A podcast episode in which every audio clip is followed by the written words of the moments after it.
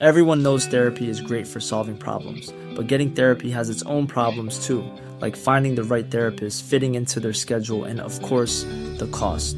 Well, BetterHelp can solve those problems. It's totally online and built around your schedule. It's surprisingly affordable too. Connect with a credentialed therapist by phone, video, or online chat, all from the comfort of your home. Visit betterhelp.com to learn more and save 10% on your first month. That's BetterHelp, H E L P.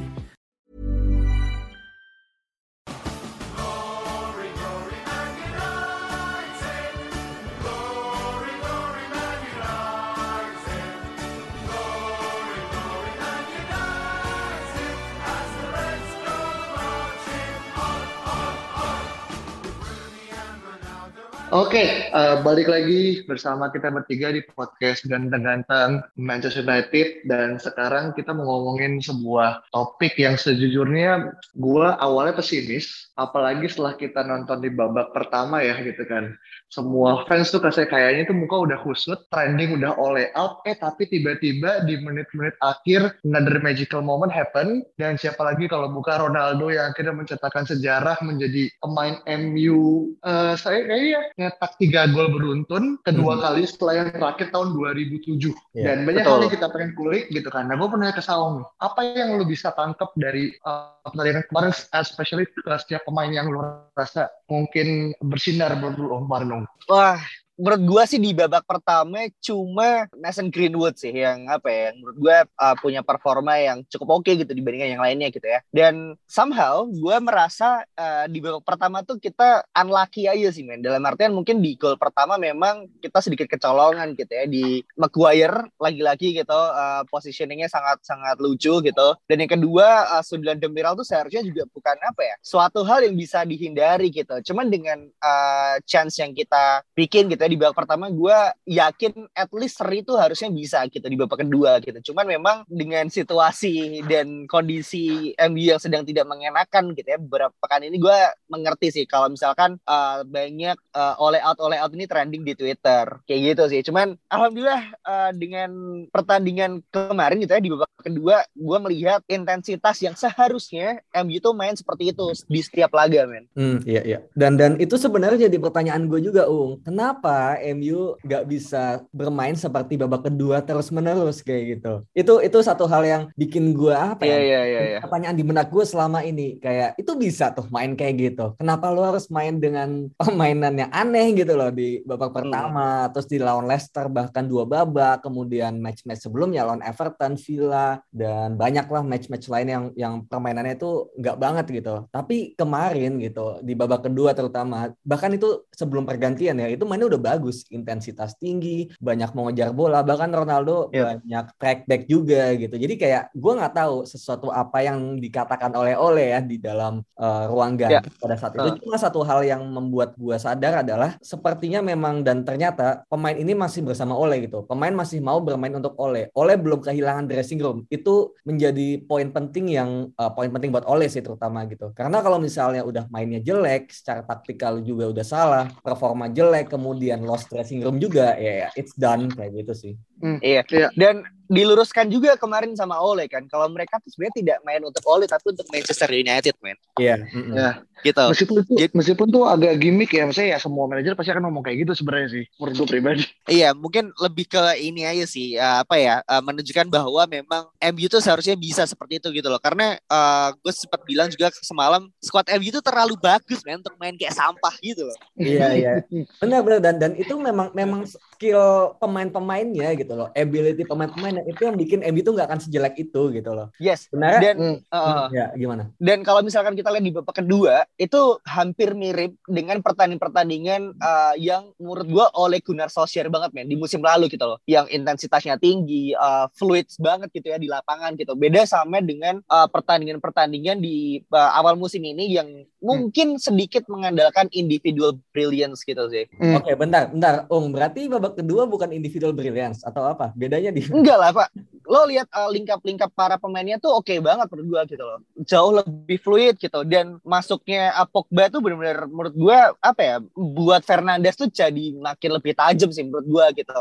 Bahkan Wenger pun bicara hal yang sama gitu. Masuknya hmm. Pogba tuh membuat uh, siapa namanya Fernandes tuh lebih lebih tajam gitu. Bahkan Fernandes uh, semalam itu mencatatkan 8 chance creation man itu uh, terbanyak di uh, eh, UCL musim ini gitu di satu iya. match. Ya, ya. oke. Okay. Uh, tapi gini ya, uh, Saung sama Alvin ini mungkin agak sedikit berbeda, tapi menurut gue uh, kemarin tuh sebenarnya kita bisa mencetak mungkin ya di angka 6-2 sebenarnya. Dan sebagian mungkin dari kalian berdua ada yang setuju ada yang enggak, tapi at least gue merasa chance yang kita kumpulin kemarin tuh banyak banget dari babak pertama. Even Fred yeah. pun punya dua kesempatan gitu kan. Yang sayangnya hmm. ya simple ya emang dia bukan tugas sebagai finisher gitu kan. Belum lagi Rashford di menit-menit awal ya akhirnya bolanya samping terus yang bolanya juga sempat kena tiang bagaimana uh, siapa namanya McTominay yang juga kemudian apa namanya uh, kena tiang, kena tiang juga. juga. Hmm. Ya Maguire kemudian corner kick pas banget kena kiper gitu kan. Tapi menurut gue kemarin tuh caranya tuh banyak gitu kan. Sayangnya memang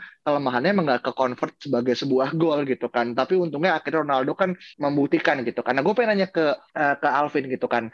Apakah pertandingan kemarin bisa jadi sebuah apa ya semacam sinyal alarm bahwasanya kebangkitan MU di era oleh ini adalah ini adalah momennya Alvin. Karena kan lu bilang kan ketika MU diremehkan gitu kan semakin kita menjadikan MU akhirnya dia bangkit gitu kan. Apakah ini adalah sebuah uh, rising moment dan ketika iya di mana lu bisa ngelihat titik poinnya Vin? gimana ya jawab ya gue gue satu sisi tidak mau apa ya nggak mau terlalu merendahkan tapi kayak gue gue ngeliat di Twitter di media sosial itu kan banyak orang yang pada akhirnya senang gitu. Ya gue juga mengakui siapa sih yang nggak senang gitu. Meskipun ketika tiga gol itu di babak kedua terjadi gue sangat flat gitu. Karena gue udah heartless banget nontonnya gitu. Udah sangat tidak berharap apa-apa gitu. Jadi sebenarnya kalau gue ngeliat uh, mungkin dia ingat ya ketika kita pertama kali membahas hasil drawing Liga Champion di awal musim ini ketika lawan Atalanta, Villarreal dan juga Young Boys. Uh, gue pernah bilang bahwa Atalanta ini adalah Italian Leeds United dengan gaya permainan yang hampir mirip, man to man marking, pressing tinggi juga, pertahanannya nggak terlalu bagus tapi dia bisa mencetak banyak peluang dan juga mungkin gol. Dan seharusnya gitu dengan skuad yang ada dan dengan counter taktik yang ada oleh-oleh itu memang harusnya di atas kertas bisa. Gue pernah bilang ke Dias waktu itu bahwa Atalanta ini dua leg harusnya bisa dikalahin karena mereka nggak akan mengganti strateginya gitu. Dan strategi kita sangat fit untuk mengcounter strateginya Atalanta. Cuma pada akhirnya kenapa kita uh, gua kemarin mengunggulkan Atalanta pure karena uh, the sake of performance terutama di lawan Leicester karena itu sangat-sangat jelek kayak gitu. Cuma kalau balik lagi kita ngomongin masalah uh, tolak ukur ini adalah pertandingan yang akan membangkitkan MU ke depannya sangat bukan sih menurut gue gitu. Karena ya lawan Leeds kita sangat bagus sama kan kayak kita juga mencetak banyak peluang karena space-nya ada gitu loh. Coba ngelawan yang tim kayak Everton kayak mungkin nanti lawannya Watford kayak ya West Ham kayak gitu-gitu itu itu bakal sedikit kesulitan lagi karena mereka bertahannya lebih bagus gitu dan mereka bakal nyerang lewat counter atau lata kan lewat counter nyerangnya gitu mereka emang menyerang gitu loh dan kita yang counter kayak gitu sih kalau gue lihat hmm, jadi iya, iya. jadi um, PR masih panjang dan terutama lawan Liverpool itu lawan yang jauh lebih sulit bisa dikalahin tapi jauh lebih sulit karena pertahanannya hmm. juga bagus iya iya oke okay. oke okay. nah gue mau nanya ke ini deh gue mau nanya ke apa namanya ke sound yang berkaitan Ronaldo karena gue inget pada saat Ronaldo datang ke MU episode kita kita itu Saung adalah man of the match ya gitu kan. jadi jadi gue nemu satu. Saya di hari penghakiman gue deh. enggak enggak enggak. Karena gini, gue kemarin nemu satu tweet okay, okay, yang okay. intinya so. adalah uh, sebegitunya oleh ngebuat sekelas Ronaldo harus melakukan selebrasi keni keni goling gitu ke saat dia menyelamatkan MU di posisi 3-2 gitu kan. Di saat kita tahu Ronaldo adalah serial winner Liga Champion, tapi dia harus ngelakuin hal gitu di MU gitu kan. Dan itu kan sebenarnya sebuah sarkasme yang akhirnya muncul kepada Bani Oleh gitu kan. Di sini mungkin diwakili oleh kita bertiga gitu kan. Dan apa yang lu bisa tangkap dari uh, penampilan Ronaldo? Apakah Ronaldo harus bertindak seheroik itukah untuk menyelamatkan Oleh dan juga MU karena kita juga lihat ya di banyak WhatsApp group ada bahkan di gue tuh ada image ada ketiga yang menggunakan meme-nya apa namanya si uh, apa tuh namanya set uh, yang Squid Game, Squid Squid Game. Game gitu kan. Itu kan menunjukkan kayak sebegitunya gitu. Nah, apa yang lo bisa tangkap dari penampilan Ronaldo kemarin terlepas memang golnya yang uh, yang terakhir menurut gue Maguire sampai sampai bengong gitu dia bisa lihat ada orang lompat kayak gitu. Nah, apa yang lo bisa tangkap? Gue rasa ini ya men, uh,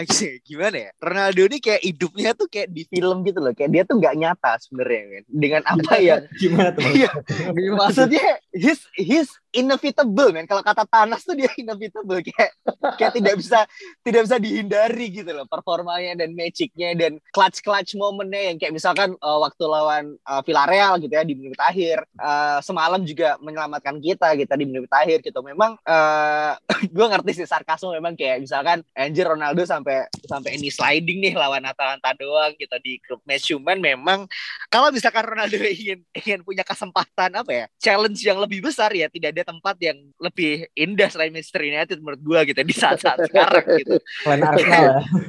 Iya, iya, Anjir. iya benar benar. Kalau misalkan dia Iya, pindah iya. ke City gitu, let's say kayak misal ke musim ini gitu ya, mau jadi apa cok City Cok udah udah kayak gitu kan, udah se- sesangar itu gitu loh. Dan Hmm. makanya dengan gue rasa apa ya, Ronaldo mulai mulai apa ya, merasa jatuh cinta kembali pada sepak bola gitu ya di bawah oleh sama, sama seperti kita yang mulai jatuh cinta lagi gitu melihat uh, permainan Manchester United semenjak uh, ditinggal oleh Jose Mourinho kayak gitu kan ya di mana kayak Hmm. bener dark place gitu dan dengan permainan dan drama kita harus harus agree man kita harus mengakui bahwa di masa oleh Gunnar Solskjaer banyak match-match yang memang ikonik gitu di di Manchester United ini gitu cuman memang memang uh, tidak bisa serta merta dijustifikasi bahwa dia memang is the one gitu ya kayak misalkan Hmm. uh, ya Oleh memang parang uh, punya permainan yang bagus gitu. Cuman uh, apakah dia akan menjadi jawaban seterusnya kita juga tidak akan pernah tahu gitu uh, unless dia memang sudah bisa kasih gelar sih kayak gitu. Cuman sebagai fans Manchester United ya ini apa ya meme-meme sarkasme dan euforia ini memang harus harus dimanfaatkan sekali sih men gitu. Hmm, hmm. Tapi ini nggak ada bias gara-gara lu ada ada yang orang ngomong tentang Zidane Zidane kan? Kayaknya yang ngomong tuh yang habis ngomong tadi kayak itu.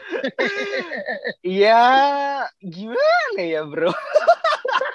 Sulit nggak maksudnya maksudnya gini men ketika Iya, iya. media tuh kan apa ya sangat-sangat bias sih menurut gue gitu. Ketika misalkan uh, MU menang gitu, let's say pasti wah Cristiano Ronaldo gitu kan, wah pasti Bruno Fernandes. Cuman ketika MU kalah, semua pasti ke Ole gitu. Oh ini salah Ole, Ole kenapa masukin main telat gitu segala macam. Coba berapa banyak artikel atau jurnalis yang uh, bilang bahwa uh, apa substitution Ole itu semalam memang sangat-sangat uh, on point gitu, memang sangat-sangat Hmm. berpengaruh pada match gitu. Pasti jarang banget gitu. Gue rasa Ole ini sangat-sangat apa ya men? Uh, tidak tidak diberikan kredit se- seperti seharusnya gitu loh. Makanya ketika dia kalah itu benar pressure-nya gila banget gitu. Tapi ketika dia menang, it's so hard to hate on Ole man. Kalau gua sendiri ya. Cuman uh, baik lagi gitu. Jadi fans eh jadi manajer sebuah klub besar gitu seperti Chelsea, seperti Liverpool, seperti Tottenham Hotspur gitu. Itu sangat-sangat beda dengan menjadi manajer Manchester United menurut gua gitu. Bahkan Jose Mourinho pun juga mengakui hal itu pasti. Hmm, Kayak sih, gitu sih men. Oke oke oke.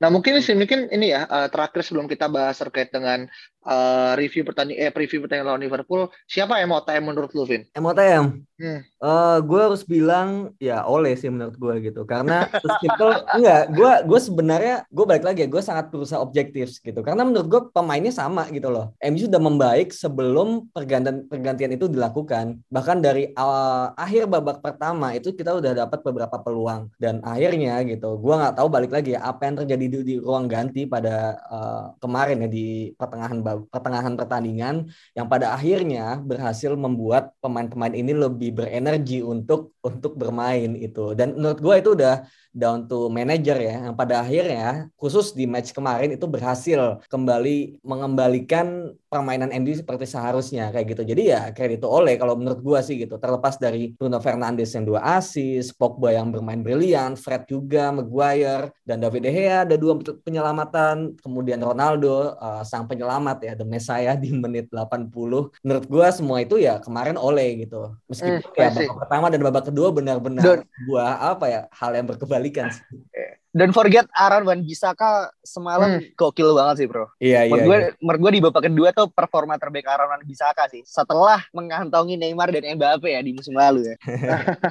Iya cuma cuma cuma gini, cuma gini. Uh, gue balik lagi ya. Gue ngomong gini kan kayak tadi konteksnya di match tadi aja gitu kan. Gue masih menganggap ini karena Atalanta gitu loh. Ini karena Atalanta yang bermain terbuka yang meninggalkan banyak space makanya Wan Bisaka bisa lari bisa ke mana-mana coba lawannya Everton mana bisa kayak gitu ya gitu.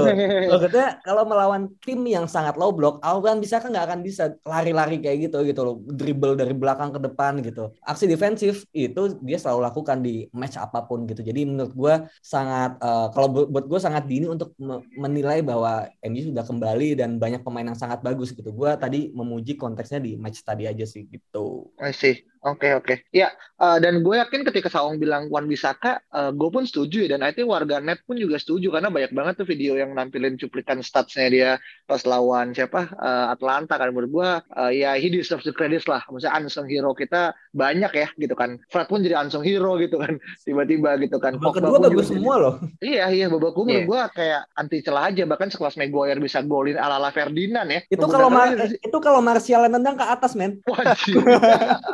Dan juga ini Pak, uh, double save-nya David De Gea tuh bikin oh, kita iya bertahan sih. di pertandingan, men. Itu gila iya, banget iya, sih. Iya, gila tuh.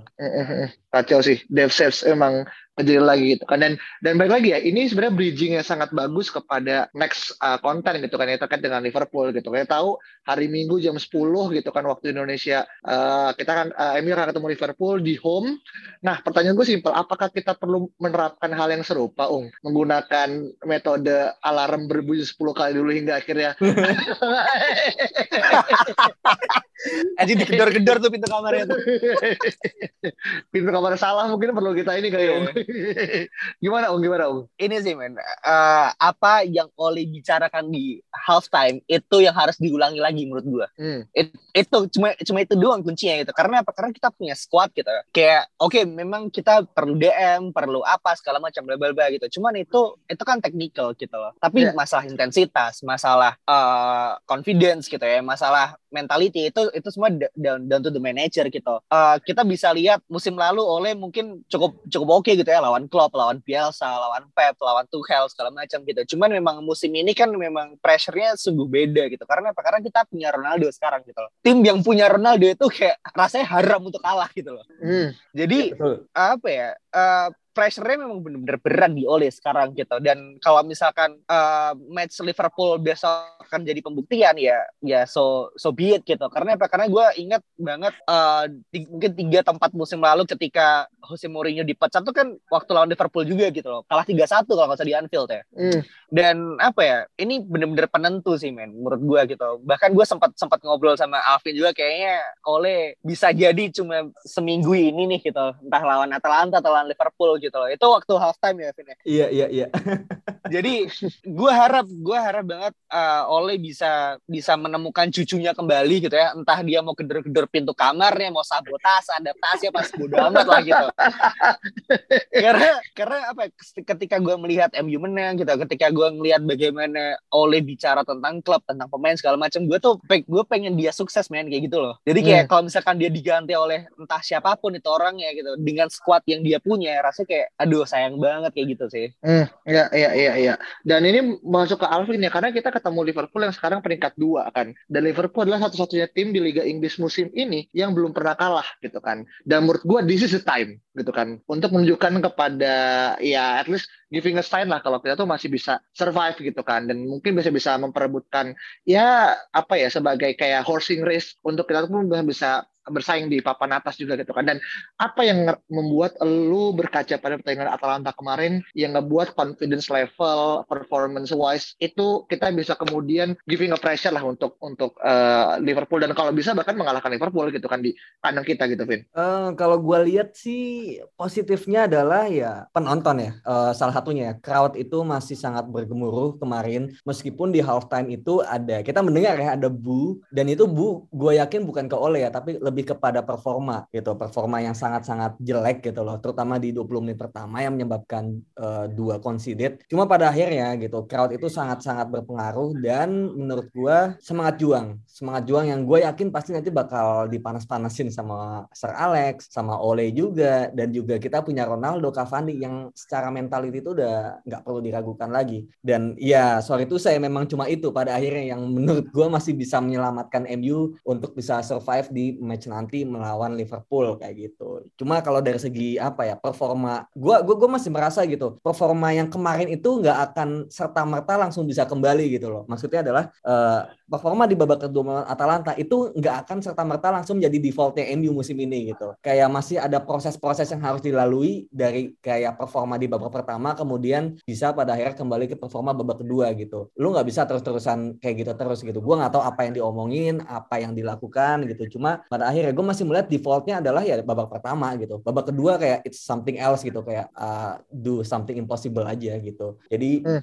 asal masih ada semangat juang, masih ada semangat bahwa dan pride ya bahwa MU ini nggak boleh kalah lawan Liverpool dan ini adalah derby terbesar di Inggris dengan sejarah yang sangat panjang gitu dan membawa badge Manchester United dan lu nggak boleh kalah di Old Trafford menurut gua masih bisa menyelamatkan kayak gitu sih. Hmm, berarti lebih kepada apa ya uh, sense of culture dan juga tension yang akhirnya terbangun ya dari dari benar, zaman benar. Iya kan itu akhirnya meneruskan marwah kalau ya seberapa buruk MU dalam rentang tiga, tiga match ke belakang di Liga Inggris tapi this is Liverpool gitu. Dan lu nggak bisa kemudian serta merta menurunkan apa namanya dropping your level simple ketika misalnya kita ketinggalan dulu dan menurut gue sih nggak ada nggak ada jamnya kita nggak akan ketinggalan sebenarnya ini in my opinion ya gitu kan. I think goal considered is menurut gue sekarang tuh jadi kayak ya udahlah kejebolan adalah sebuah kepastian gitu. Iya iya iya. Kan kematian dan pajak ya. Makanya kan ini bro uh, apa, seperti apa, apa. seperti apa ya yang udah-udah gitu kita mungkin sering mendengar gitu mungkin Oleh pun juga sempat mendengar ini gitu kan quote quotes yang ya lo kebobolan dua gol tapi masih bisa cetak tiga gol you still win the game kan bro ah.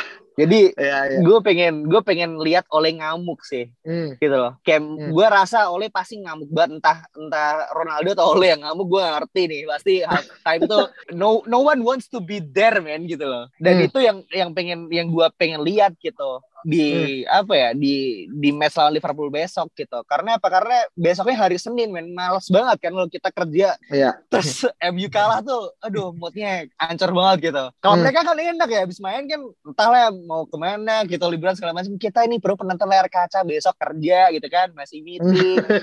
mood kayak tae gitu kan. MU kalah. Tolonglah oleh. Do something. Do something bro. Iya, ini ratusan juta loh, miliaran loh seluruh dunia. Ayo dong, bukan cuma tujuh puluh lima ribu di Trafford doang, men. Iya, iya, iya. Iya ya, kan? ya, oke, oke, oke. Dan sebenarnya kalau kita mau ngomong sejarah ya, gitu, pertandingan MU sama Liverpool ini udah sekitar 200 kali lebih uh, match dan MU masih megang rekornya dengan uh, 81 match itu uh, menang gitu kan. Tapi baik lagi just another story gitu kan gitu dan menurut gue itu nggak bisa kita jadikan patokan lah gitu kan karena ya itu berlalu gitu kan dan mungkin gue mau nanya sih ke Alfi dan ini salah satu hal yang yang mungkin bisa jadi semacam kayak kita cover both side lah gitu. Kalau lu boleh kemudian milih which one dari pemain Liverpool yang lu anggap bisa kita anggap kayak oh ini threat benar-benar threat nih. Itu siapa Vin yang akhirnya perlu diwaspadai oleh oleh MU Vin besok uh, minggu Vin? Satu pemain ya? Iya. Um, tentu aja sebenarnya kalau mau jawab ya mau salah gitu kan. Cuma pada akhirnya gue lebih serem sama wingbacknya sih sebetulnya terutama hmm. Robertson dan juga uh, Trent Alexander-Arnold kayak gitu. Yang mana balik lagi bola mati sebenarnya di awal musim kita udah bagus. Cuma kayak di beberapa match terakhir kok kayak kita set pieces agak kebobolan mulu ya gitu. Gue, jadi hmm, bingung hmm. gitu ini Eric Ramsey lagi cuti apa gimana? Gue nggak paham gitu. Lagi cuti sick ya. gitu makanya gue, gue cukup bingung gitu. Leicester ada dua atau tiga tiga gol gitu kan dari set pieces. Hmm. kemarin juga satu gol gitu yang kayak chip gol gitu loh. Kayak kok bisa gitu lo udah udah hire pelatih pelatih set piece tapi kebobolannya sangat sangat gampang gitu loh. Jadi pada akhirnya gue sangat takut sama set pieces itu. Dan kalau inget ya musim lalu pun sekelas uh, bukan sekelas ya pemain yang nggak terlalu jago nyundul ya. Kayak uh, siapa? Bobby Firmino aja bisa golin gitu loh sundulan. Itu kan sangat bodoh bodoh sebetulnya. Dan pada hmm. akhirnya ya dua pemain itu lagi-lagi dan balik lagi kalau misalnya MU kembali memainkan 4-2-3-1 which is sangat uh, apa most likely ya itu akan dipakai lagi, ya itu akan benar-benar membuat back sayapnya Liverpool ini sangat bebas gitu untuk crossing gitu. Dan mungkin memang itu strateginya. Emang di, uh, disengaja untuk uh, apa kayak uh, untuk crossing gitu kan dan nanti MU bakal nyapu-nyapu bolanya aja kayak gitu. Dan iya, mungkin ada satu atau dua gol dari situ. Kita lihat Atalanta satu gol dari skema crossing. Young Boys juga ada satu gol dari crossing. Jadi pada akhirnya menurut gua kalau Maguire positioning masih jelek ya udah Wassalam satu gol mungkin ya garansi lah. I see. Iya iya iya iya. Ya, yang menurut gua kan kita bilang kan kejebolan adalah adalah sebuah apa ya kewajiban mungkin ya untuk kita bisa melihat MU yang sewajarnya gitu. Tapi baik lagi uh, ini pertandingan krusial dan mungkin terakhir nih gue nanya ke Sao mungkin ya kayak um, kalau lu boleh kemudian ngasih sedikit prediksi skor dan apa yang akan terjadi termasuk ya hal-hal yang mungkin nggak common yang lo ekspektasikan as a fan tuh apa Ung kira-kira Ung? Ya, um, kalau tadi misal apa si Alvin bilang mungkin mau salah towing back ya gitu ya dengan pertandingan yang sudah-sudah dan di kandang gitu gue justru ini men gue takut dengan Alisson sih sebenarnya gitu karena apa karena kita sering melihat tim Krul jadi gila gitu kan uh, si Martinez Aston Villa gitu bahkan Fabianski pun jadi jadi tiba-tiba jadi prime gida gitu loh kalau di Old Trafford gitu. Dan ini ini apa ya? Ini isu yang perlu perlu di, segera diselesaikan gitu. Dan kalau misalkan uh, gue pengen apa ya melihat sesuatu di pertandingan besok lawan Liverpool gitu. Gue pengen melihat intensitas yang sama sih itu aja gitu. At least kalau misalkan lo kalah gitu, lo nggak kalah kayak sampah gitu loh. Ngerti gak sih kayak uh-huh. lo exactly put up a fight gitu. Lo lo bener-bener apa ya menunjukkan bahwa lo tuh pengen menang gitu. Apa pun yang terjadi ya football is still football gitu. Pasti akan ada yang menang ada yang ada yang kalah gitu. Cuman kalau misalkan gue datang bayar 100 pounds gitu let's say untuk ke Old Trafford dan nonton pertandingan bola yang kayak tai gitu kan dan tidak ada benar-benar tidak ada apa ya, tidak ada uh, fight sama sekali di Manchester United ini gitu kan tiba-tiba menyerah aja lawan si uh, Jota, Mane, Salah, Firmino segala macam ya buat apa sih kayak gitu sih. Hmm. gue masih justru pengen ini aja kalau misalnya pengen seru-seruan kayak ini aja apa uh, kalau misal kalian ingat Newcastle lawan MU itu sempat 5-4 kalau salah di tahun 2012 2013 gitu atau 4-3 gitu. Iya. kayak bener kejar iya, kejar-kejaran aja gitu kayak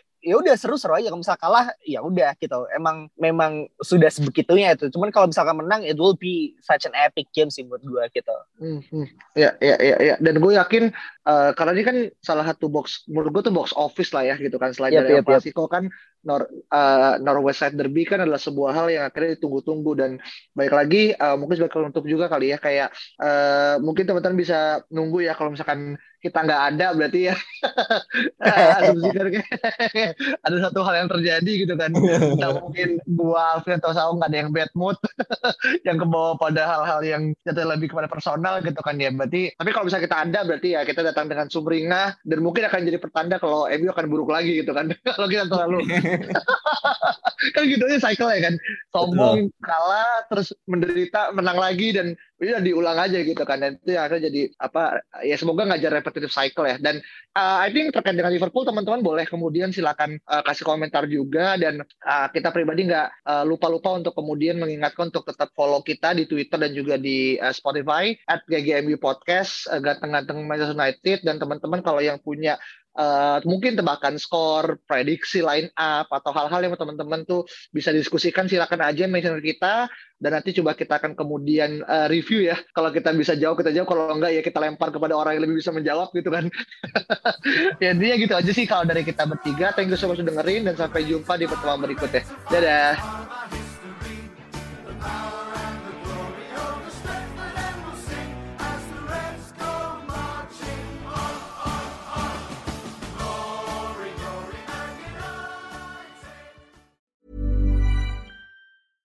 Hey, it's Paige DeSorbo from Giggly Squad. High quality fashion without the price tag. Say hello to Quince. I'm snagging high-end essentials like cozy cashmere sweaters, sleek leather jackets, fine jewelry, and so much more. With Quince being 50 to 80% less than similar brands. And they partner with factories that prioritize safe, ethical, and responsible manufacturing. I love that. Luxury quality within reach. Go to quince.com slash style to get free shipping and 365 day returns on your next order. Quince.com slash style.